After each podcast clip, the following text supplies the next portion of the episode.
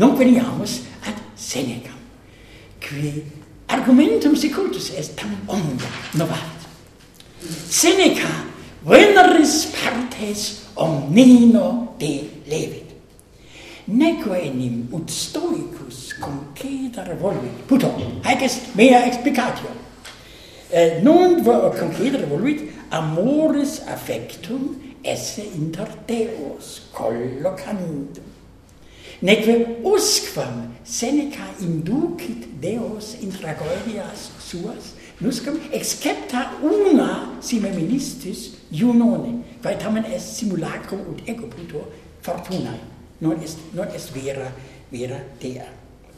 Amor, si, si, si stoicis credimus, est inter affectus, et omnes affectus sunt pessimi, perdunt hominem, homines, nihil affectus haec est stoica doctrina nam es affectus alpetos allogos psyches kinesis motus animi contra rationem ratio quae optima est in homine et in toto mundo nam seneca in libro de matrimonio scripsit vaile dolio hunc librum nobis erratum non esse sed hieronymus felicita multa in de excerpsit in sui scriptis adversus Juventanum et ibi est hoc eh, amor formae Hic distinguita amor formae ab amore conjugali, äh, eh, frater, fraterno aliis eh, amoribus, amor formae est Geschlechtsliebe cognos, celimus dicere, amor formae rationis oblivio est. Rationis oblivio est et insaniae proximus. Pro, in da omnes affectus proxime accedit ad insaniam. Turbat pauca vomis tantum do scrivo longo uh, longa long, multa sententia eius, turbat consilia altos et generosos spiritus frangit sic multis verbis detrahit amore.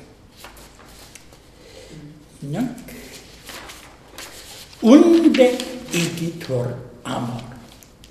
Non e venere, eius vepuro, amores ive cupidene, sed e luxuria malaque vitae consuetudine.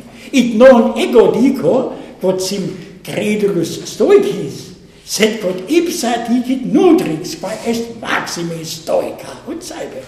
In Seneca haec stoica, et id nutrix paetrae aperte declar.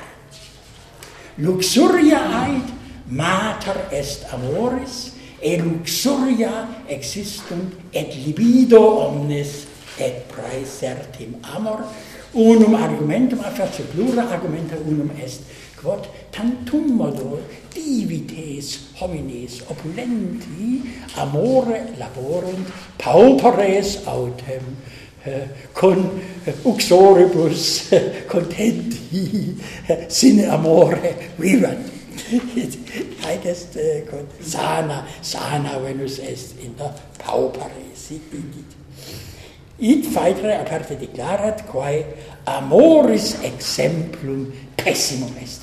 in fine quidem ab amore sanator. Ot mox vidimus.